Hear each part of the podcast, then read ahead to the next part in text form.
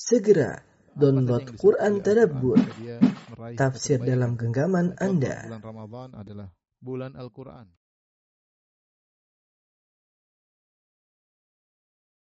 Bismillahirrahmanirrahim. Assalamualaikum warahmatullahi wabarakatuh. Recording in progress. Alhamdulillahi ala ihsani wa syukru lahu ala taufiqihi wa amtinani wa asyhadu an la ilaha illallah wahdahu la syarika lahu ta'ziman li sya'ni wa asyhadu anna Muhammadan abduhu wa rasuluhu da'ila ridwani. Allahumma salli alaihi wa ala alihi wa ashabihi wa ikhwani. Uh, para jamaah uh, kajian Denurs yang dirahmati oleh Allah Subhanahu wa taala, kita masih melanjutkan bahasan kita dari uh, surat An-Nur dan kita sampai pada ayat yang ke-11. Ayat yang ke-11 adalah ayat yang turun disebabkan suatu kejadian besar yang disebut dengan hadithatul ifk yaitu tentang peristiwa berita hoax atau peristiwa kedustaan yang dituduhkan kepada ibunda Aisyah radhiyallahu taala anha. Allah Subhanahu wa taala ber- berfirman innal ladzina ja'u bil ifki usbatum minkum. Kata Allah Subhanahu wa taala eh, sungguhnya orang-orang yang membawa berita bohong itu ja'u bil ifki yang mendatangkan berita berita bohong usbatun minkum merupakan dari sekelompok dari kalian ya. Sekelompok dari eh, kalian. Ada yang mengatakan usbah yaitu eh, 10 orang sampai eh, 40 orang. Usbah ya sekelompok orang, sekelompok orang. Mereka yang bawa berita kebohongan, menyebarkan berita kebohongan tentang Aisyah radhiyallahu anha, mereka itu usbatun minkum. Mereka itu adalah dari golongan kalian juga.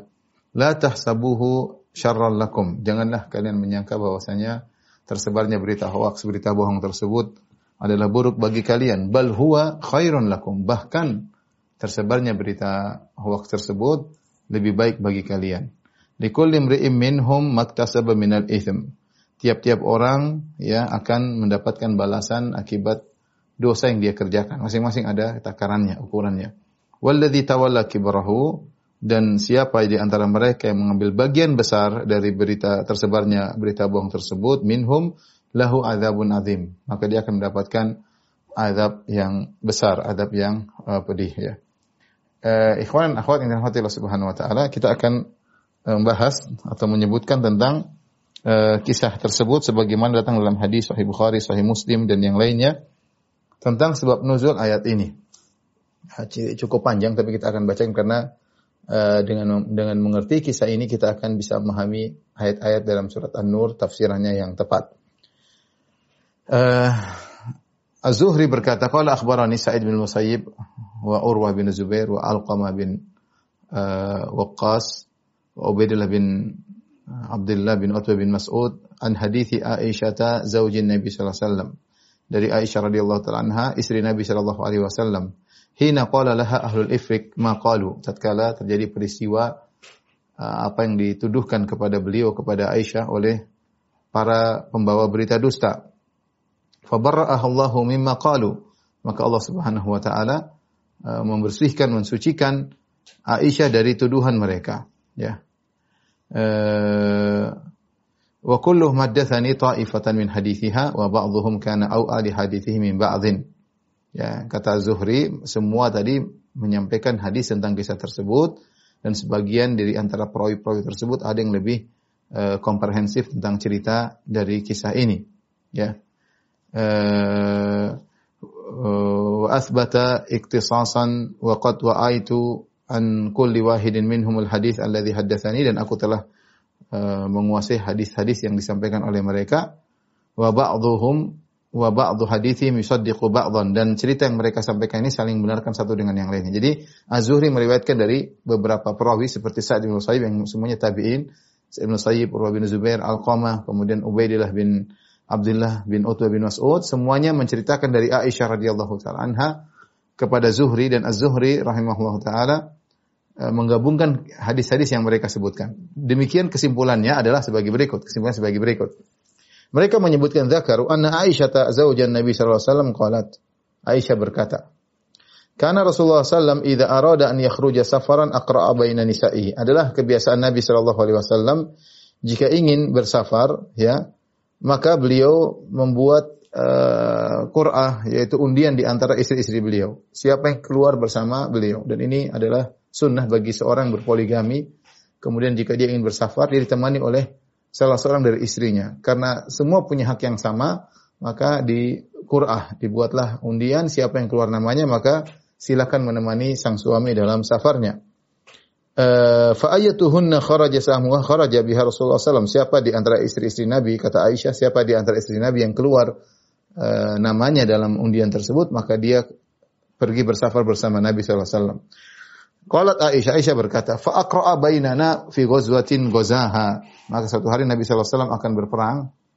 Ada yang mengatakan perang tersebut adalah perang uh, Ghazwah Bani uh, Al-Mustalik atau Ghazwatul Muraisi. Uh, maka Eh, Nabi pun mengadakan undian siapa di antara istri Nabi akan menemani beliau dalam peperangan tersebut.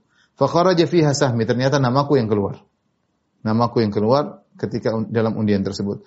Fakharajtu ma'a Rasulillah sallallahu alaihi wasallam, maka aku pun keluar bersama Nabi sallallahu alaihi wasallam bersafar. Wa dzalika ba'da ma unzilal hijab. Dan peristiwa ini terjadi setelah diturunkan ayat tentang hijab. Ayat tentang hijab tentang kisah uh, apa namanya Zainab bintu Jahsy ketika uh, walimah Nabi menikahi Zainab bintu Jahshin. Intinya uh, apa namanya setelah tahun kelima Hijriah. Ada yang mengatakan tahun ketujuh, ada yang tahun keenam. Intinya peristiwa yang terjadi setelah hijab. Ya, hijab maksudnya uh, pakai jilbab dan istri-istri Nabi pakai cadar. Istri-istri Nabi pakai cadar. Sebelumnya uh, wajah mereka terbuka dan para sahabat bisa bisa melihat istri-istri Nabi karena belum turun ayat hijab. Ayat hijab turun belakangan sekitar tahun kelima Hijriah uh, di kota Madinah. Jadi peristiwa yang terjadi setelah setelah turunnya ayat hijab yaitu peristiwa yang terjadi ketika Aisyah menggunakan sudah menggunakan cadar. Fa ana uhmalu fi haudaji. Maka aku pun dibawa di atas di dalam haudajku. Haudaj adalah keranda yang dibentuk sedemikian, sedemikian rupa kemudian diletakkan di atas onta sehingga seorang wanita bisa naik di atas keranda tersebut mungkin dia bisa tiduran ya semacam keranda diletakkan di atas onta di punuk onta Eh, kemudian unta itu berjalan sehingga dia dalam keranda tersebut. Seperti orang-orang dahulu ketika seorang putri dalam keranda yang diberi kelambu, diberi sitar, itu namanya haudaj. Eh, wa unzalu fihi masirana ya. ya dan aku pun naik di situ dalam perjalanan kami. Ya. Hatta idza faraga Rasulullah sallallahu min ghazwatin sehingga ketika Rasulullah SAW selesai dari peperangannya, waqafala dan Rasulullah SAW pun pulang menuju kota Madinah setelah berperang, Wadanauna minal Madinah. Sampai kita sudah dekat dengan kota Madinah. Adana lailatan birrahil. Adana lailatan birrahil. Ya. E, maka e, diberi pengumuman ya bahwasanya akan kita melanjutkan perjalanan. Ya, jadi mereka istirahat di dekat tempat dekat sudah dekat Madinah. Kemudian tiba-tiba ada pengumuman bahwasanya kita akan melanjutkan perjalanan. Fakum tuhina adanu birrahil famasyaitu hatta jawazul jaish. Ya, ketika ada pengumuman akan dilanjutkan perjalanan, aku pun pergi ya dan aku menjauhi uh, pasukan ya karena aku ingin buang hajat. Falamma qadaitu min sya'ni akbaltu ila rahl ya. Ketika setelah menyelesaikan hajatku, aku kembali ke uh, rombongan untuk segera melakukan perjalanan falamastu sadri fa idza iqdi min jaz'i dhifar qad inqata ya ketika uh, yaitu aku ternyata memegang dadaku ternyata aku punya kalung ternyata putus enggak ada. Ya kalungku hilang. Faraja'tu aku pun kembali.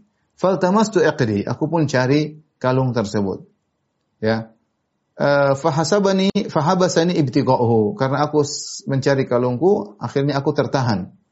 Tertahan. Aku belum kembali ke rombongan. Wa aqbala rahtul ladzina kanu yarhaluna li. Dan akhirnya sekelompok orang yang tugasnya adalah uh, mengangkat kerandaku untuk diletakkan di atas onta jadi ketika mereka sedang istirahat kerandanya diturunkan Aisyah turun setelah itu uh, Aisyah kembali di atas keranda. Nah, sekelompok orang ini akan angkat keranda tersebut diletakkan lagi di atas onta. Ya. Maka datanglah kelompok orang yang memang tugasnya untuk mengangkat kerandaku di atas onta. Fahamalu haudaji. Mereka menyangka aku berada dalam haudaj, dalam kerandaku. Farahaluhu ala ba'iri. Maka mereka pun pasang di atas ontaku. Alladhi kuntu arkabu. Yang onta tersebut, tersebut merupakan tungganganku. Wahum yahsabuna anni fihi. Mereka menyangka aku berada dalam keranda tersebut. Qalat Wa kanatin nisa'u idzaka khifafan. Kata Aisyah radhiyallahu anha ingin beri uzur kepada mereka kenapa mereka uh, tidak tahu kalau Aisyah berada di, tidak ada dalam keranda tersebut. Kata Aisyah wa kanatin nisa'u idzaka khifafan. Para wanita eh, di zaman tersebut mereka kurus-kurus. Lam yuhabbalna. Mereka tidaklah uh, gemuk, tidaklah berat tubuh mereka. Walam yakshahunna lahm dan tubuh mereka tidak dipenuhi dengan Eh, padatnya lemak ya, artinya tubuh mereka kurus. Innama ya'kulna ulqata. Kenapa mereka kurus-kurus kata Aisyah karena mereka makannya sedikit, minat ta'am, hanya makan sedikit. Falam yastankiril qaumu thiqlal haudaji hina rohaluhu wa rafa'uhu. Ketika mereka mengangkat karena mereka bukan satu orang angkat ada beberapa orang, mereka tidak tahu kalau aku tidak ada dalam situ. Karena Aisyah mengatakan kami dulu kurus-kurus sehingga keberadaanku di atas keranda atau tidak beratnya tidak beda banyak. Karena mereka angkat barang barat, eh, ngangkat keranda barang-barang, mereka menyangka Aisyah sudah ada dalam situ. Ternyata belum ada. Kenapa mereka tidak merasa aneh? Karena memang wanita saat itu ringan-ringan tubuhnya dan mereka rame-rame. Sehingga mereka menyangka ada Aisyah, mereka pun angkat. Wa kuntu jariyatan hadithatasin. Dan aku adalah seorang gadis yang masih, uh, maksudnya masih remaja. Aku adalah seorang wanita yang masih remaja. Faba'athul jamal wasaru. Akhirnya mereka pun uh, apa namanya berjalan rombongan rombongan musafirin yang di situ ada Nabi wasallam akhirnya pun melanjutkan perjalanan dengan persangkaan mereka bahwasanya Aisyah sudah berada dalam kerandanya. Wa wajadtu iqdi ba'da mastamarra jaish dan setelah mereka berjalan berjalan berjalan aku baru mendapatkan kalungku. Fajitu manazilahum. Jadi Aisyah menyangka ya mereka akan tunggu saya lah. Saya kan istri Nabi uh, dan mereka akan nunggu. Ternyata mereka menyangka Aisyah sudah masuk keranda. Ternyata belum masuk. Akhirnya mereka berjalan. Setelah Aisyah mendapatkan kalungnya, dia pun balik. Fajitu manazilahum walaysa bihada'in wala mujibun. Ternyata sudah tidak ada orang sama sekali. Tidak ada yang menyuruh dan tidak ada yang menjawab. Ya, jadi tidak ada orang sama sekali. Fatayammamtu manzili alladhi kuntu fihi, maka aku segera menuju pada tempat yang tadi aku di situ. Ya. E, menunggu. Wa dhanantu anna al-qaum sayafqidunani fayarji'una ilayya. Dan aku menyangka bahwasanya orang-orang nanti akan mencariku, kalau mereka tidak dapat aku, mereka akan balik ke tempat ini untuk mencariku. Jadi Aisyah dia pikir ngapain saya pergi jauh-jauh? Ya sudah saya nunggu aja di sini. Nanti kalau mereka tahu pulang ke kota Madinah saya tidak ada atau mereka cari-cari ternyata saya tidak ada, mereka akan balik. Ini kecerdasan Aisyah. Daripada ke sana kemari malah bingung, dia tidak tahu jalan. Mending dia menunggu di tempat terakhir mereka bersama dia. Dengan harapan kalau mereka merasa kehilangan dia, mereka akan balik mencari dia. Tapi ternyata rombongan tidak merasa kehilangan Aisyah. Mereka jalan terus, apalagi sudah dekat kota Madinah. Karena memang ringan. Mereka taruh di atas keranda sudah onta berjalan, disangka dalam onta dalam keranda onta tersebut ada Aisyah. Fabaina ana jalisatun fin manzili golabatni aini fanimtu. Ketika aku tetap di tempat tempatku tersebut, tempat terakhir aku bersama rombongan, tiba-tiba uh, ngantuk menguasaiku dan akhirnya aku pun tertidur. Wa kana Sofwan bin al-Mu'attal as-Sulami thumma dhakwani qad arrasa wara'il jaish. Ada seorang sahabat yang ditugaskan oleh rombongan, ditugaskan oleh Nabi SAW. Sahabat, sahabat ini namanya Sofwan bin Mu'attal as-Sulami. Summa Zakwani. Beliau ini uh, tidur di belakang pasukan. Jadi pasukan depan dia di belakang. Di antara, di antara tugasnya adalah mencari siapa tahu ada yang ketinggalan, ada barang-barang yang jatuh. Tapi dia tidak bersama rombongan, dia tidur belakangan. Ya. Min wara'il jaish. Ya. Fa'adlaja fa'asbah inda manzili. Ya. Kemudian di penghujung malam, yaitu dekat sahur, dia berjalan. Menyusuli rombongan. Karena memang tugasnya dia di belakang. Tugasnya dia di belakang dan dia tidur jauh dari rombongan. Karena rombongan sudah jalan, akhirnya dia pun berjalan juga di malam hari, tapi di tempat belakangan. Ketika di pagi hari, dia tiba di tempat tempatku yang aku sedang tidur di situ. Faro'a sawada insanin naim. Maka dia lihat ada uh, ada seorang yang sedang tidur. Fa'atani, maka dia pun mendatangiku. Fa'arafani hina ro'ani. Dia cek siapa ini. Aisyah waktu itu wajahnya terbuka maka dia kenal. Dia kenal bahwasanya aku adalah Aisyah. Apa kata Aisyah? Wa kana qad yarani qabla an yudrabul hijabu alayya. Dia pernah melihatku dan mengenalku sebelum diwajibkan jilbab kepadaku. Ini dalil bahwasanya para istri-istri Nabi mereka berjilbab ketika turun ayat hijab mereka bercadar. Ya, artinya apa? Sebelum sebelum turun ayat hijab, mereka tidak berjilbab, tidak berjilbab sehingga para sahabat mengenal istri-istri Nabi Shallallahu Alaihi Wasallam. Dicek oleh Sufyan bin Mu'attal As-Sulami, dia kenal Aisyah radhiyallahu taala anha. Ya, fastaiqadhu bis- bistirja'ihi hina arafani. Ketika dia lihat aku, dia kenal aku, maka dia berkata, Inna lillahi wa inna ilaihi raji'un dengan suara yang keras. Aku pun terbangun ketika mendengar suara tersebut. Inna lillahi wa inna raji'un. Fakhammartu wajihi bijilbabi. Maka aku ambil jilbabku, aku tutup wajahku. Karena Aisyah tidak ingin wajahnya dilihat. Jadi dia pun mengambil jilbabnya, baru dia pun menutup wajahnya. Fakhammartu sehingga dijadikan jilbabnya sebagai cadar. Apa kata Aisyah? Wallahi ma yukallimuni kalimatan. Demi Allah tidak pernah ngobrol sama aku meskipun satu perkataan enggak ada. Wala sami'tu minhu kalimatan. Aku tidak pernah mendengar dia berbicara apa pun. Ghairu istirja'i. Dia hanya aku dengar dia ngomong inna lillahi wa inna raji'un. Tidak ada omongan lain. Aisyah ingin menjelaskan bahwasanya laki-laki laki-laki yang baik. Tidak ngobrol sama saya, tidak tanya-tanya. Cuma inna lillahi wa raji'un, langsung dia serahkan ontanya suruh naik selesai. Dia tidak ngomong dalam perjalanan sampai ke kota Madinah. Tidak ngobrol, tidak ngomong-ngomong, tidak. Ini laki-laki bersih. Tidak ada apa ganggu-ganggu, tidak ada genit-genit, nggak ada ngomong, ngobrol pun nggak ada. Tidak ada satu perkataan, satu patah kata pun tidak ada. Cuma yang Aisyah dengar dia cuma ngomong sekali inna lillahi wa inna raji'un. Itu pun dalam rangka membangunkan Aisyah. Agar Aisyah bangun dan dia harus bersiap untuk melanjutkan perjalanan. Hatta anakha rahilatahu. Dia tidak ngomong apa pun, dia tidak mengatakan gimana kabarnya kok bisa ketinggalan. Dia banyak tanya. Dia menghormati ini istri Nabi sallallahu alaihi wasallam. Ini istri Nabi, ini kesayangan Nabi sallallahu alaihi wasallam. Tidak mau ini istri orang. Apalagi istri Nabi sallallahu alaihi wasallam, orang yang paling mereka cintai, itu para sahabat paling cintai. Hatta anakha rahilatahu. Maka dia pun menundukkan ontanya yaitu menderemkan ontanya untuk dinaiki. Fawati'a ala yadiha ya uh, farakibtuha ya. Ya, maka aku pun naik di atas onta tersebut ya. Famtalaqa yaqudu birahilah. Setelah aku naik di atas tersebut, dia pun menuntunku. Jadi dia jalan kaki ya. Maka dia pun menuntun ontaku terus sampai kota Madinah. Selama perjalanan tidak ada omongan, tidak ada kata-kata, jalan terus.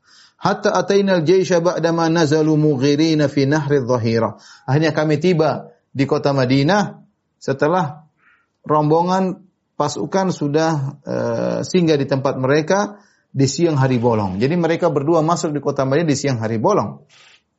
Ya, artinya apa? Kalau memang Aisyah berzina sama Sufyan bin Atal As-Sulami radhiyallahu anhu tentunya mereka akan diam-diam. Mungkin cara masuknya di ini enggak. Mereka enggak ada karena mereka tidak melakukan salah sama sekali. Maka mereka masuk di kota Madinah siang hari bolong dilihat oleh banyak orang. Kata Aisyah radhiyallahu taala anha fahalaka man halaka fi sya'ni.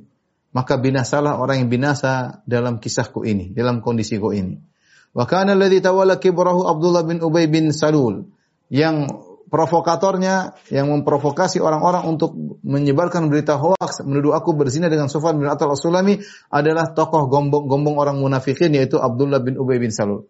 Abdullah bin Ubay bin Salul. Faqadimna al-Madinah, kami pun masuk dalam kota Madinah. Pulang. Fastakaitu hina qadimna al-Madinah syahran. Aku pun sakit ketika itu.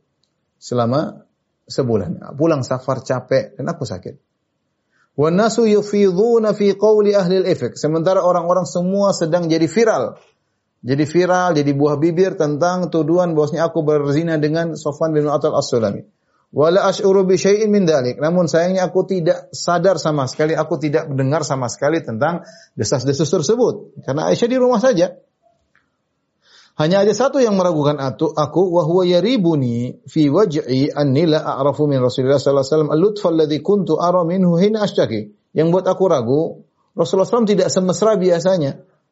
Aku tahu Rasulullah SAW kalau aku sedang sakit dia punya perhatian yang lebih daripada biasanya, tapi aku kehilangan perhatian tersebut. Ini yang meragukan aku, kok Nabi tidak seperti biasanya? Kenapa Rasulullah SAW tidak mesra seperti biasanya? Apalagi aku dalam kondisi sakit. Ya. Uh, inna ma yadkhulu Rasulullah sallam fayusallimu. Rasulullah sallam hanya masuk kemudian mengucapkan salam, thumma yaqulu kaifatikum. Kemudian Rasulullah berkata, "Gimana kondisimu?" Itu aja kata Nabi sallallahu alaihi wasallam, "Kaifatikum?" Gimana kondisimu?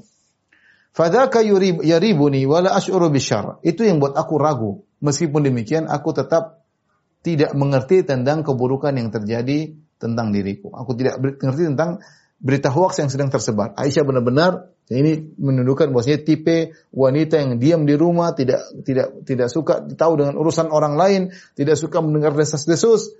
Padahal dia adalah tokoh yang dibicarakan. Dia yang jadi buah bibirnya. Dan dia tidak tahu apa yang terjadi. Uh, dia yang menjadi apa namanya pembicaraan. Dan dia tidak tahu orang sedang membicarakan dia. Sampai sebulan penuh.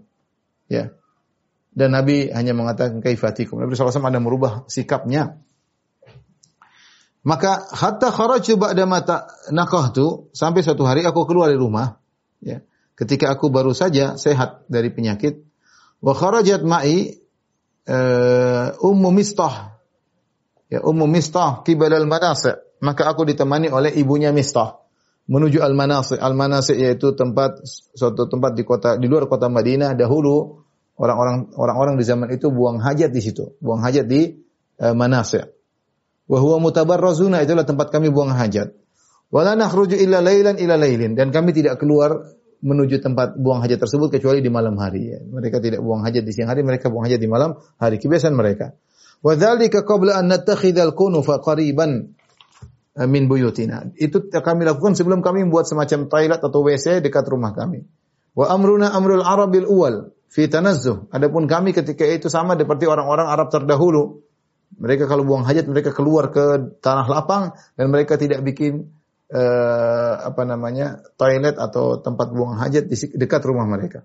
Wa kunna nata'adza bil kunu fi an nattakhidha inda buyutina. Kami tidak suka buat toilet dalam rumah kami. Karena dulu tidak seperti sekarang ada saluran, ada ya enggak. Jadi jadi kalau membuat tempat uh, toilet di dekat rumah apalagi dalam rumah tentu mengganggu, ya, tentu mengganggu. Fantalaqta ana wa ummu Mistah wa hiya bintu Abi Ruhm bil Muttalib bin Abdul bin Abdi Manaf. Maka aku berjalan bersama Ummu Mistah. Ya. Wa ummuhu dan kemudian dia jelaskan tentang siapa Ummu Mistah ini. Ummu Mistah adalah putri dari Abu Ruhm bin Muttalib bin Abdi Manaf wa ummuha ibnatu Sakhri ibni Amir khalatu Abi Bakar. Sementara ibunya Mistah ini adalah bibinya Abu Bakar. Perhatikan, bibinya Abu Bakar As-Siddiq bapaknya Aisyah radhiyallahu taala anha. Jadi eh, Mistah adalah ponakan Abu Bakar. Ummu Mistah, ibunya Mistah adalah eh, bibinya Abu Bakar radhiyallahu taala anhu. Kalau kita Mistah dan Abu Bakar adalah sepupuan. Wabnuha Mistah bin Uthathah bin Abdi bin Abbad ibn al-Muttalib. Adapun putranya adalah Mistah bin Uthathah bin Abbad ibn al-Muttalib. Fa aqbaltu ana wa, wa, wa bintu Abi Ruhm maka aku pun keluar ditemani oleh ibunya Mistah. Kibla baitihina faraqna min sya'nina. Setelah kami buang hajat, kami pun balik menuju rumah kami. Saya ditemani dengan ibunya Mistah. Ya. Kemudian uh, fa'atharat ummu Mistah fi mirtiha. Ya. Ternyata Ummu Mistah ketika berjalan pulang bersamaku, dia ter, tersandung dengan bajunya sendiri, tersandung dia jatuh. Tersandung. Kemudian dia berkata, Ta'isa mistah, celaka anakku. Ya, aku heran. Ini orang kenapa mendoakan celakan bagi anaknya? Fakultulah bi sama kulti. Aku katakan, sungguh buruk apa yang kau ucapkan. Atas subina rajulan qad syahida badran. Apa kau tidak mencela seorang laki yang pernah ikut perang badar? Rupanya Mistah bin Uthasa adalah seorang sahabat yang pernah ikut serta dalam perang perang badar. Kenapa ibunya mencelanya? Faqalat ta'isa Mistah. Ya, faqalat ayhantah. Dia berkata, wahai sang wanita, wahai Aisyah, awalam tasma'i maqala, tidakkah kau mendengar apa yang dia ucapkan Mistah? Qultu wa madza qala? Apa yang diucapkan Mistah? Mistah ini sahabat pernah ikut perang Badar. Qalat fa akhbaratni bi qawli ahli ifik, maka akhirnya Ibu Mistah menjelaskan yang sedang terjadi sekarang Aisyah radhiyallahu anha di kota Madinah menjadi buah bibir orang-orang menuduh dia berzina dengan Sufyan bin Atal as-Sulami. Awalam tasma' ma, tasma'i maqala. Qultu wa madza qala? Apa yang diucapkan oleh Mistah? Qalat akhbaratni bi akh, bi qawli ahli al-ifk. Maka ibunya Mistah mengabarkan bahwasanya Mistah telah ikut menuduhku. Jadi kata para ulama, ketika Nabi eh, ketika Aisyah dan Safwan bin Attal masuk kota Madinah dalam kondisi siang hari bolong, dalam kondisi siang hari, uh, siang hari bolong, ya tengah-tengah. Dan orang-orang dilihat. Aisyah masuk bersama Sufyan bin Atal Maka rupanya Abdullah bin Abi bin Ubay bin Salul, pimpinan orang-orang munafik, menjadikan kesempatan ini untuk mengganggu ke rumah tangga Nabi Shallallahu Alaihi Wasallam. Dia pun provokasi-provokasi. Ketika dia pandai memprovokasi, sebagian dari kaum muslimin terbawa provokasi tersebut, ikut-ikut menuduh Aisyah berzina dengan Sufyan bin Atal Di antaranya tiga orang sahabat yang mulia, Hasan bin Thabit radhiyallahu taala uh, anhu, Kemudian di antaranya uh, Mistah bin Utsasa radhiyallahu taala anhu dan yang terakhir adalah Hamna bintu Jahshin, saudarinya Zainab binti Jahshin Ummul Mukminin istri Nabi sallallahu alaihi wasallam. Jadi tiga orang terbawa, yaitu Hasan bin Thabit penyairnya Nabi sallallahu alaihi wasallam, kemudian di antaranya Mistah bin Utsasa ini sahabat yang pernah ikut perang Badar uh, dan yang ketiga Hamna bintu Jahshin adalah saudari dari uh, Zainab bintu Jahsh. Fasdatu maradan ila marad. Ketika aku mendengar bahwasanya sudah terdengar desas-desus ya peristiwa yang ramai di kota Madinah, maka aku semakin semakin parah sakitku. Falamma raja'tu ila baiti, tatkala aku pulang ke rumah, fadakhala alayya Rasulullah sallallahu alaihi wasallam fasallama. Maka Rasulullah SAW pun datang menemuiku dan Rasulullah SAW mengucapkan salam.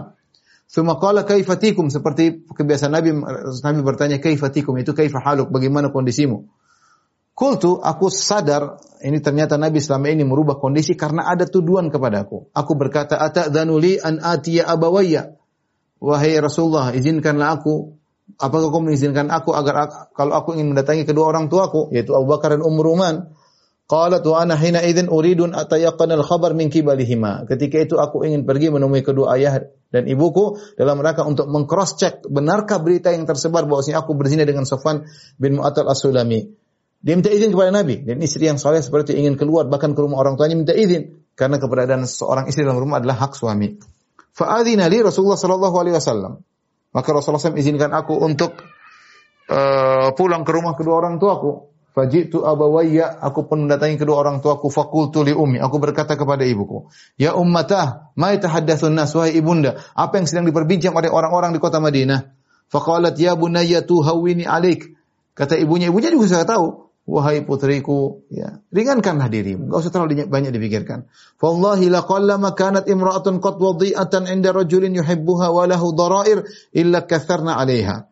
Ibunya ingin menggampangkan permasalahan dia mengatakan wahai putriku tenangkanlah dirimu demi Allah tidaklah ada seorang wanita yang cantik dan suaminya eh, mencintainya sudah cantik dicintai suami dan dia punya madu-madu kecuali madu-madunya akan merepotkan dirinya sering mengganggu dirinya. Qalat Qultu subhanallah wa qad tahaddatsu nasu. Berarti benar dong ibunda kalau orang-orang sedang membicarakan aku bahwasanya aku berzina dengan Safwan bin Atal Sulami. Qalat ternyata benar. Fa bakaitu tilkal lailata hatta asbahtu la yarka'u li dam'un. Maka malam itu pun aku menangis menangis sampai tiba hari sementara air mataku tidak terputus-putus. Wala aktahilu binam dan aku tidak bisa tidur. Summa asbahtu abki kemudian di pagi hari aku pun menangis. Kondisi sudah sangat genting. Aisyah ditulis sebagai telah berzina dengan Sofan bin Atal Rasulullah. Apa yang dilakukan Nabi oleh Nabi oleh Nabi SAW? Nabi tidak tahu kondisi sebenarnya. Nabi tidak tahu kondisi sebenarnya. Maka Nabi karena tidak tahu ilmu gaib, Allah tidak mengabarkan kondisi yang sebenarnya. Bahkan Allah tunda pengkabaran. Sudah sebulan belum turun ayat menjelaskan tentang kondisi Aisyah bersama Sofan bin Atal Usulami. Maka saatnya Ali, saatnya Rasulullah SAW bermusyawarah dengan para sahabat untuk menghadapi permasalahan ini menunjukkan Nabi sangat sedih. Di puncak kesedihan Nabi masalah keluarganya dan orang munafik memang suka mengganggu ya senang mengganggu Nabi. Kalau mereka tidak bisa mengganggu Nabi secara fisik, mereka ingin mengganggu Nabi secara mental. Mental Nabi dijatuhkan, keluarganya dituduh-tuduh yang tidak-tidak. Maka akhirnya Rasulullah SAW diskusi kepada Ali, kepada Usama bin Zaid. Hina istaflabal wahyu, tatkala wahyu tidak turun-turun. Yastashiruhuma fi firaki ahlihi. Kata Aisyah, Rasulullah SAW bermusyawarah dengan Ali bin Abi Thalib bin Usama bin Zaid. Apakah perlu menceraikan Aisyah? Karena Nabi tidak tahu kondisi Aisyah sebenarnya sementara isu tersebar. Maka Nabi bermusyawarah dengan dua orang ini bukan apa-apa untuk mengecek apakah pantas saya menceraikan Aisyah.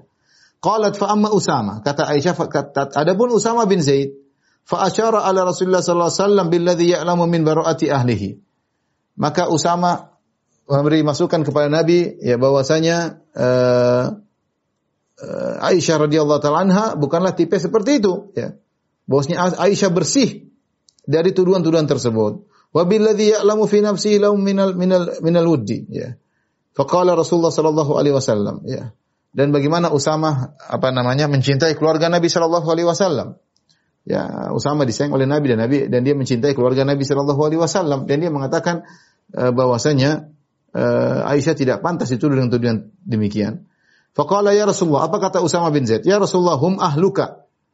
Aisyah itu istrimu. Wala na'lamu illa khairan. Kami tidak tahu dari istrimu kecuali kebaikan. Itu jawaban Usama. saya tidak tahu dari istrimu kecuali kebaikan. Ini Usama. Wa amma Ali bin Abi Thalib. Adapun Ali bin Abi Thalib, maka dia menjawab dengan jawaban yang lain ketika Rasulullah bertanya, apakah mesti saya ceraikan Aisyah? Apa kata Ali bin Abi Thalib? Lam yudayyiqillahu alaika. Allah tidak menyempitkan urusanmu wahai Rasulullah. Wan nisa'u siwaha kathir. Dan wanita selain Aisyah banyak. Kenapa kau harus bersedih? Wa intas alil jariyata tasdukka. Tapi kalau kau tanya kepada budaknya Aisyah, dia akan jujur kepadamu. Ali bin Abi Thalib, perhatikan, bukannya dia benci kepada Aisyah, dia mengatakan ceraikan Aisyah, bukan. Tetapi dia sedang, uh, apa ya, dia tidak kuasa melihat bagaimana kesihnya Nabi. Ini Nabi ujian sangat berat. Istrinya dituduh berzina, dan dia tidak melakukan apa-apa.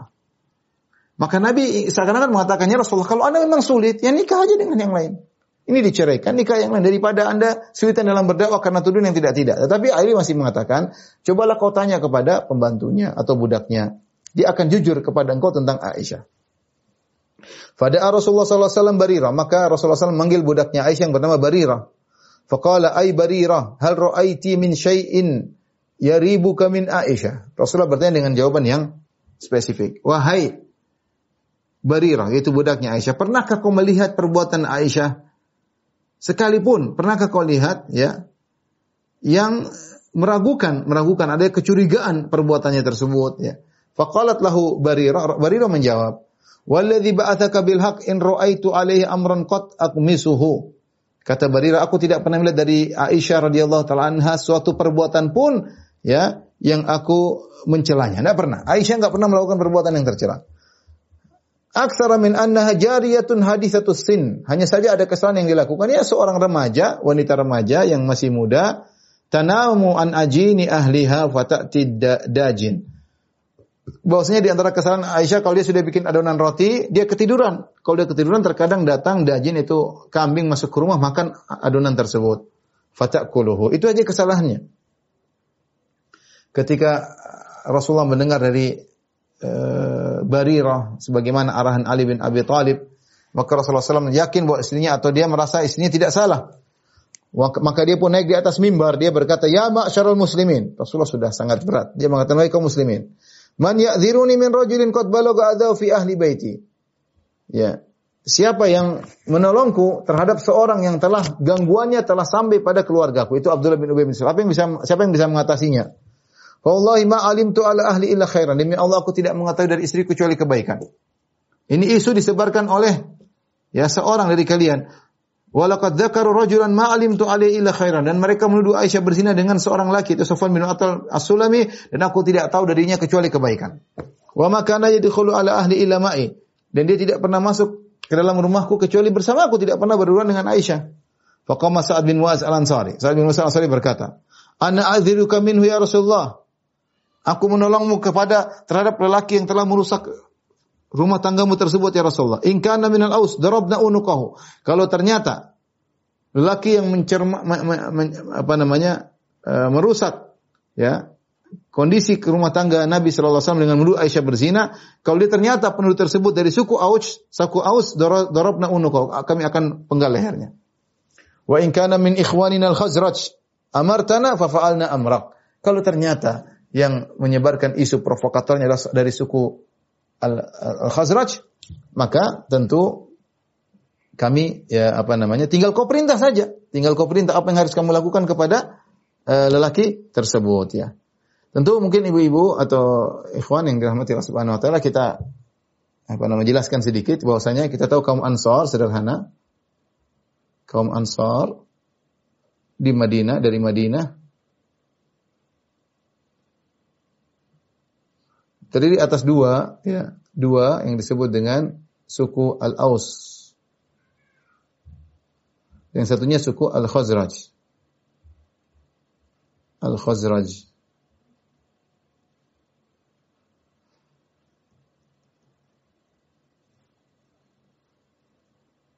Al-Khazraju.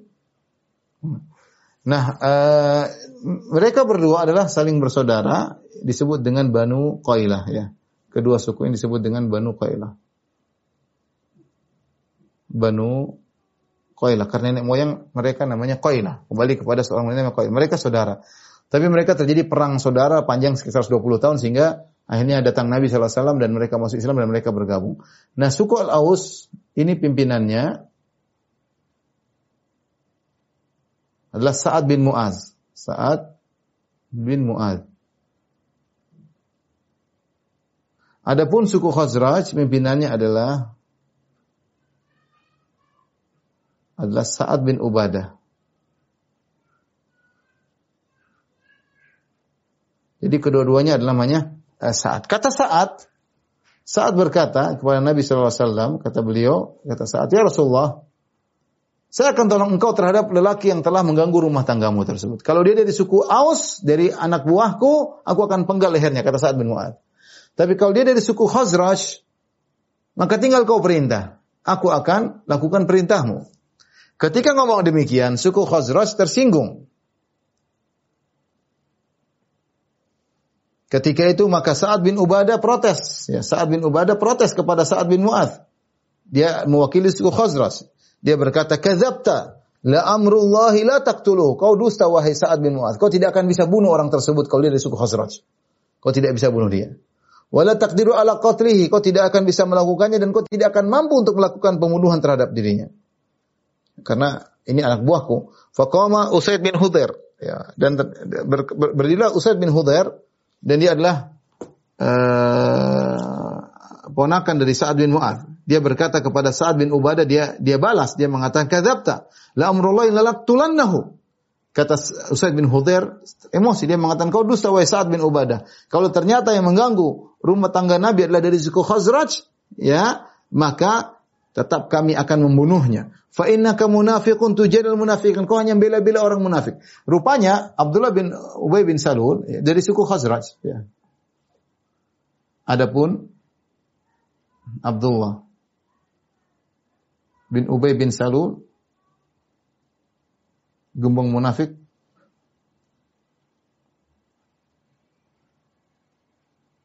Gembong kaum munafik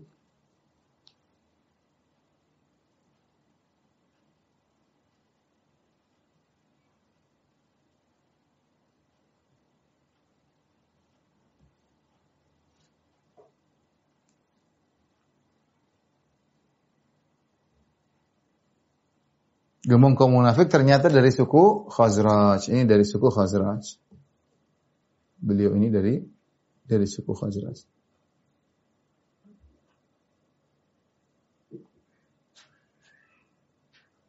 Makanya kata saya bin Mu'ad, kalau ternyata yang mengganggu rumah tanggamu adalah dari suku Khazraj, tinggal kau perintah. Ternyata saat bin Ubadah protes, dia tersinggung. Tidak bisa kau bunuh orang dari suku Khazraj eh, ketika dia mencela Sa'ad bin Mu'az, ternyata ponakannya Sa'ad bin Mu'az, yaitu Usaid bin Hudair membela Mu'az, Sa'ad bin Mu'az. Maka dia mengatakan, justru kau yang dusta. Kalau ada dari yang mengganggu Nabi dari golongan kalian, kami akan bunuh. Kau adalah munafik yang membela orang munafik. Fathara al-hayyan, maka dua kelompok ini saling rame. Al-Aus wal Khazraj, saling rame. Karena Nabi mengatakan, siapa yang menolong aku terhadap laki yang mengganggu keluargaku? Hatta hamu an yaktatilu, hampir mereka saling bertempur di antara mereka. Wa Rasulullah sallallahu alaihi wasallam qa'imun ala mimbar. Rasulullah SAW sedang berada di atas mimbar. Falam yazal Rasulullah sallam yukhaffidhuhum. Rasulullah mengatakan diam, diam, diam hatta sakatu wa sakat. Sampai semuanya diam dan Rasulullah juga diam. Mereka sudah emosi karena ini orang yang paling mereka mencintai Rasulullah SAW terganggu rumah tangganya. Ya, mereka bilang kalau perlu dibunuh orang tersebut. Ya. Aisyah berkata, "Fabakaitu yaumi dzalika la yarqa'u dam'un." Maka aku pun menangis hari itu. Dan tidak keluar air mataku, tidak berhenti air mataku terus mengalir. Wala abtahilu aku tidak bisa tidur. Thumma bakaitu lailatil muqbilah, maka malam kedua layar ke dam'un, kejadiannya sama, aku menangis tidak berhenti malam kedua. Wala abtahilu binaumin, aku tidak bisa tidur. Wa abawa wa abawaya yang zunanni annal buka faliqud kabidi dan kedua ayahku yaitu Abu Bakar As-Siddiq dan Umar Ruman menyangka bahwasanya aku akan binasa karena tangisanku yang memecah membelah hatiku. Fabainama huma jalisan indi. Tatkala kedua orang tokoh sedang duduk di sisiku, wa ana abki dan aku sedang menangis. Ista'zanat alayya imra'atun min ansar Tiba-tiba ada seorang wanita kaum Ansar minta izin. Fa'adzintu laha, minta izin untuk ketemu Aisyah dan aku pun izinkan dia untuk ketemuku. Ketemu aku. Fajalasa tabki. Apa yang dilakukan? Ternyata dia ikut menangis, solidaritas, dia ikut menangis tentang tuduhan terhadap Aisyah. Dia ikut nangis. Datang hanya untuk ikut nangis bersama Aisyah. Fabainama nahnu ala dzalik dakhala alaina Rasulullah sallallahu alaihi wasallam. Tatkala kami sedang dalam kondisi demikian, Ansaria menangis, aku pun menangis, tiba-tiba Rasulullah sallallahu pun datang. Fasallama ala thumma fasallama thumma jalasa. Rasulullah mengucapkan salam kemudian beliau duduk. Faqalat Walam eh, kata Aisyah, walam yajlis indi mundu qila li ma qila dan Rasulullah SAW tidak pernah duduk di sisiku sejak aku dituduh berzina. Waqad labitha syahran hina jalasa laqad labisa syahran la yuhi ilai fi sya'ni bi. Sudah sebulan penuh tidak ada wahyu yang turun kepada Nabi. Ini jelas Nabi tidak tahu ilmu gaib. Nabi tidak tahu apa yang terjadi pada suaminya, eh, pada istrinya ketika ditinggal. Nabi tidak tahu. Sehingga tuduhan Aisyah berzina pun Nabi tidak bisa mengatakan tidak ada. Tidak. Rasulullah masih mengkondisikan dirinya pada posisi tengah. Ya. ya. Jadi eh, apa namanya uh, sampai sebulan tidak datang wahyu dan Nabi tidak tahu apa yang terjadi sungguhnya. Kemudian Rasulullah SAW fatasyahada Rasulullah SAW hina jalasa. Ketika Rasulullah SAW duduk, Rasulullah bertasyahud. Rasulullah berkata, Asyhadu an la ilaha illallah, asyhadu anna Muhammadan abduhu wa rasuluh. Suma kemudian beliau berkata, amma ba'du, kemudian daripada itu. Beliau berkata, Ya Aisyah, fa innahu qad balagani anki kada wa kada. Wah Aisyah telah sampai kepadaku berita tentangmu begini dan begitu. Fa in kunti bari'atan fasayubarri'uka Allah, fasayubarri'ukillah. Kalau kau ternyata suci dari tuduhan tersebut, Allah akan mensucikan kau, Allah akan bela engkau. Wa in kunti almamta bidzambin fastaghfirillah wa tubi ilaih. Tapi kalau kau memang terjerumus dalam dosa, istighfarlah dan bertobat kepada Allah. Fa innal abda idza tarafa bidzambin thumma taba. Karena seorang hamba jika mengakui dosanya kemudian bertobat, taballahu alaihi maka Allah akan menerima tobatnya. Falamma qada Rasulullah sallam maqalatahu qala sadam'i hatta ma uhisu minhu qatrah. Ketika Nabi ngomong begitu, tiba-tiba tangisanku berhenti. Aku tidak merasakan setetes pun air mata keluar dari mataku. Karena Aisyah Aisyah agak marah. Karena Rasulullah mengatakan, "Ya Aisyah, kalau memang in kunti alam tibidzam, almam tibidzam, kalau kau memang ternyata melakukan dosa, maka mohon ampunlah kepada Allah dan bertobatlah karena hamba jika mengakui dosa-dosanya, kemudian dia bertobat, maka Allah akan menerima tobatnya. Berarti seakan-akan Nabi tidak memastikan istrinya bersih. Nabi masih ada meletakkan kemungkinan. Nabi, karena Nabi SAW seorang Rasul, dia tidak mungkin mengatakan sesuatu yang tidak ketahui. Kalau para sahabat mereka mengatakan iya, Aisyah tidak melakukan, tidak jadi masalah. Tapi kalau Nabi yang ucapkan jadi syariat.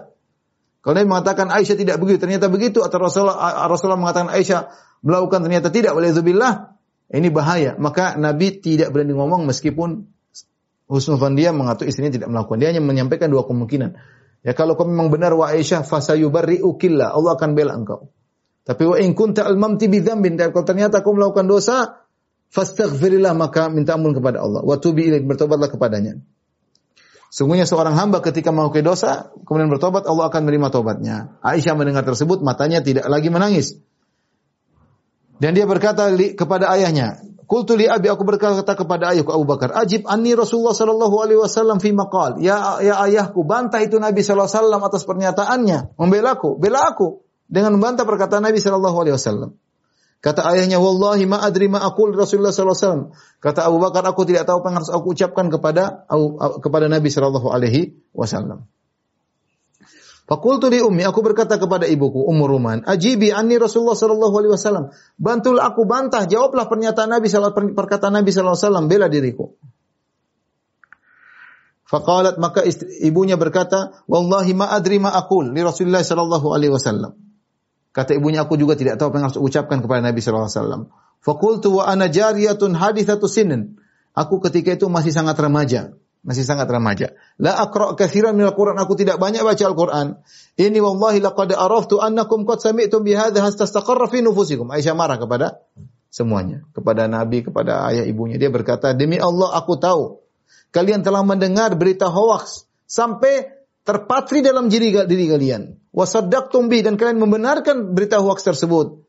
Fa in qultu lakum anni bari'atun wallahu ya'lamu anni bari'ah kalau aku berkata kepada yang aku suci dan Allah tahu aku suci la tusaddiquni bidzalik kalian tidak akan benarkan aku.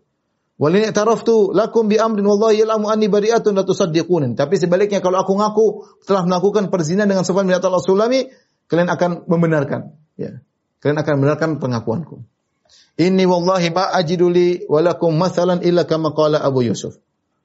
Dan aku tidak mendapatkan perumahan yang pas antara aku dengan kalian kecuali seperkat, seperti perkataan ayahnya Yusuf yaitu Yakub alaihissalam fasabrun jamil wallahul musta'anu ala ma yang aku bisa lakukan hanya kesabaran yang indah dan Allah ya eh, tempat pertolongan atas eh, apa yang mereka sifatkan kepada Allah Subhanahu wa taala. Jadi Aisyah ingin menyampaikan saya ketika itu masih remaja dan saya tidak banyak baca Al-Quran seperti yang lain, tapi dia berusaha mengingat satu ayat, dia mengatakan, eh, fasabrun jamil. Ini perkataan ayahnya Yakub. Padahal maksudnya Nabi ayahnya Yusuf. Maksudnya Nabi Yakub. Memang dia lupa nama Yakub. Dia mengatakan ayahnya Yusuf. Summa tahawwaltu fattaja'tu ala firashi. Kemudian aku pun berpaling dan aku pun ber- berbaring di atas tempat tidurku. Qultu wa ana wallahi hina idzin a'lamu anni bari'a. bari'a. Dan aku tahu sejak saat itu bahwasanya aku suci. Wa anna Allah wa anna Allah mubarri'i bi bara'ati. Dan aku yakin Allah akan ya membelaku.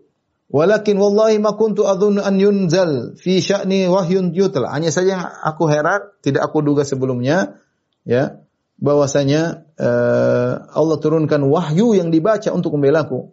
Aku tidak menyangka ini akan terjadi. Wala sya'ni kana akhara fi nafsi min an yatakallama Allah azza wa jalla fiyya bi amrin yutra. Aku menganggap diriku lebih hina. Ngapain perlu ngapain Allah Subhanahu wa taala membelaku dalam satu ayat yang akan dibaca? Tapi itu yang terjadi. Aku merasa aku tidak pantas, tapi Allah berikan belaan tersebut. Walakinni kuntu arju an yara Rasulullah wasallam fi naumi ru'yan yubarri'unillahu biha. Aku hanya berharap Nabi melihat dalam mimpinya wahyu yang akan membela aku. Fallahi ma ramallahu azza wa jalla majlisahu wa la kharaja min ahli al-bait ahadun hatta anzala Allah azza wa jalla nabiyya sallallahu alaihi wasallam fa akhadahu ma kana ya'khudhu min al-burha. Maka ketika Rasulullah sallallahu alaihi wasallam ya, belum meninggalkan belum meninggalkan rumah ya, ya dan belum meninggalkan keluarganya di rumah. Dan tidak seorang pun dari rumah yang keluar. Rasulullah masih di situ. Orang-orang rumah masih di situ. Masih ada Abu Bakar masih ada Umar Ruman masih ada Aisyah radhiyallahu taala anha. Maka eh, Allah turunkan wahyu tentang kondisi ini. Mulailah Rasulullah SAW mengalami kondisi yang sulit. Ya ketika datang wahyu. Ya Indal wahyi hatta innahu la yatahaddaru minhu mithul juman. Maka terkadang ketika saking beratnya meneteslah air seperti eh, apa namanya? mutiara yang turun dari airnya besar-besar turun dari eh, kepala Nabi sallallahu alaihi wasallam. Ya. Minal arak fil yaum asyad ya. Seperti orang yang sedang apa namanya? Eh, kepanasan pada lagi musim dingin. Kepanasan musim dingin sampai keringatan. Itu yang dialami oleh Nabi SAW. Min thiqalil qawli alladhi unzila alaihi. Karena begitu beratnya ayat-ayat yang turunkan kepadanya. Falamma surya tatkala Nabi sadar an Rasulullah sallallahu alaihi wasallam yadhak ya. Falamma surya an Rasulullah sallallahu alaihi wasallam yadhak. Ketika Rasulullah SAW tadi dalam kondisi berat mendapat wahyu tiba-tiba dia sadar, dia pun tersenyum. Fakana awal kalimatin takallama biha annahu qal ucapan pertama kali dia ucapkan ketika dia sadar dari wahyu dia berkata absyiri ya Aisyah. Bergembiralah wahai Aisyah. Amma Allahu faqad barra'aki. Adapun Allah Allah telah membelamu. Menyatakan kau suci. Faqalat li ummi, maka ibuku berkata, "Qumi ilaihi, ya wahai putriku, bangunlah dan menujulah kepada Nabi sallallahu alaihi wasallam." Apa kata Aisyah? "Wallahi la aqumu ilaihi." Demi Allah aku akan aku tidak akan pergi menuju Nabi. Wala ahmadu illa dan aku tidak memuji kecuali hanya Allah. Kenapa Aisyah merasa yang tolong dia adalah Allah murni? Nabi saja masih mengucapkan perkataan tersebut. Abu Bakar ayahnya ibunya saja masih mengucapkan perkataan tersebut. Adapun Allah langsung membela Makanya kata Aisyah radhiyallahu taala anha ketika disuruh menuju Nabi tidak mau karena dalam dalam kasus ini Nabi tidak ambil yang bela adalah Allah Subhanahu wa taala. Huwa alladhi anzala baru'ati dialah Allah yang telah menurunkan aku bersih dari tuduhan-tuduhan tersebut. Qalat fa anzalallahu azza wa jalla maka turun firman Allah Subhanahu wa taala alladzina ja'u bil ifki usbatum minkum. Inilah ayat sekitar 10 ayat Allah turunkan dari ayat ini. Dari ayat 11, innal ladzina ja'u bil ifki usbatum minkum la tahsabuhu syarran lakum wa huwa khairul lakum. Sungguhnya yang datang membawa berita-berita dusta dari kalangan munafikin dan juga dari sebagian dari kalian, usbatun minkum berasal dari sebagian dari kalian, ya. Uh, asyra ayat, 10 ayat untuk membela Aisyah radhiyallahu anha. Fa anzalallahu azza wa jalla haula'il ayat baru'ati maka Allah turunkan ayat tersebut untuk membela diriku dari tuduhan-tuduhan yang tidak tidak benar. Dan adalah Abu Bakar radhiyallahu anhu Beliau ternyata sering memberi infak kepada Mistah. Mistah tadi kita sebutkan adalah ibnu Khalati Abi Bakar. Mistah adalah uh, apa namanya?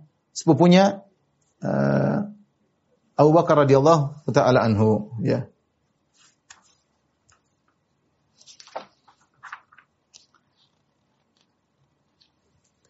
Baik, kita lanjutkan ya. Ketika Allah telah turunkan ayat menyatakan Aisyah bersih, maka Abu Bakar pun marah dia berkata, "Wallahi la unfiku alaihi syai'an abadan ba'da alladhi qalahu li Aisyah." Demi Allah aku akan tidak berikan infak sedikit pun kepada dia selama-lamanya setelah dia menuduh ikut-ikut menuduh Aisyah radhiyallahu taala anha berzina. Maka Allah turunkan ayat menegur Abu Bakar. Kata Allah, "Wala ya'tari ul fadli minkum wa sa'ati an yu'ti an yu'tu ulil qurba wal masin wal muhajirin." Janganlah orang pemilik harta, pemilik uh, karunia ya untuk bersumpah dengan nama Allah Subhanahu uh, wa taala untuk tidak memberi ya, tidak memberi bantuan kepada kerabat, orang miskin dan orang yang berjih, ber, uh, berhijrah di jalan Allah Subhanahu wa taala. Kata Allah, "Wal ya'fu wal yasfahu." Maafkanlah lapanglah dada.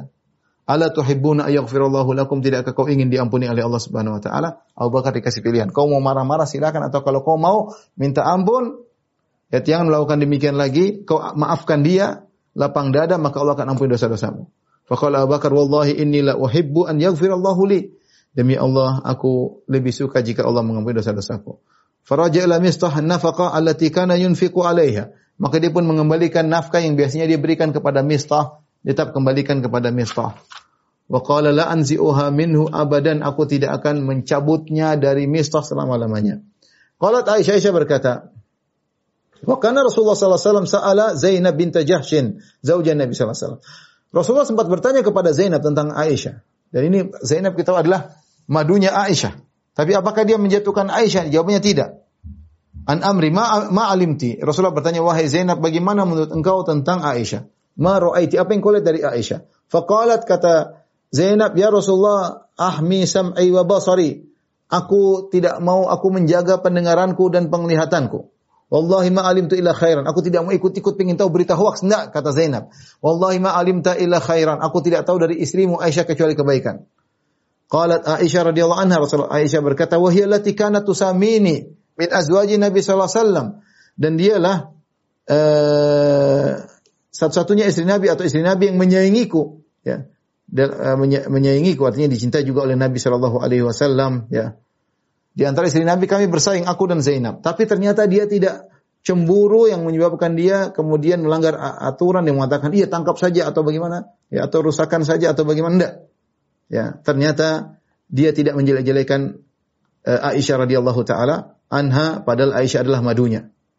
Ya, kenapa dia jaga pendengarannya, jaga penglihatannya? Fa asamahu bil wara. Dia wara dan dia jaga. Wa tafiqat ukhtuha Hamna bintu Jahshin.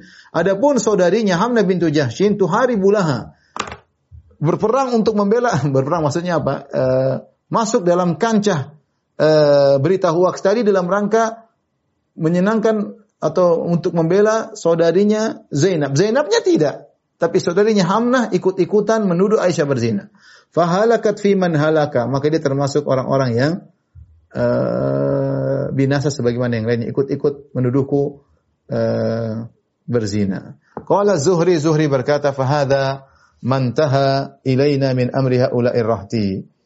Inilah yang sampai kepada kami tentang kisah uh, apa namanya orang-orang tersebut ya.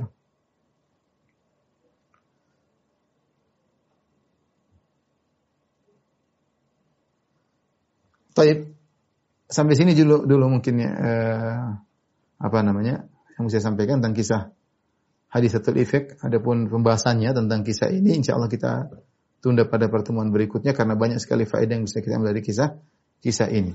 Allah alam bisawab. Demikian saja apa yang saya sampaikan. Kalau bisa mohon maaf. Wabillahi taufiq. Assalamualaikum warahmatullahi wabarakatuh.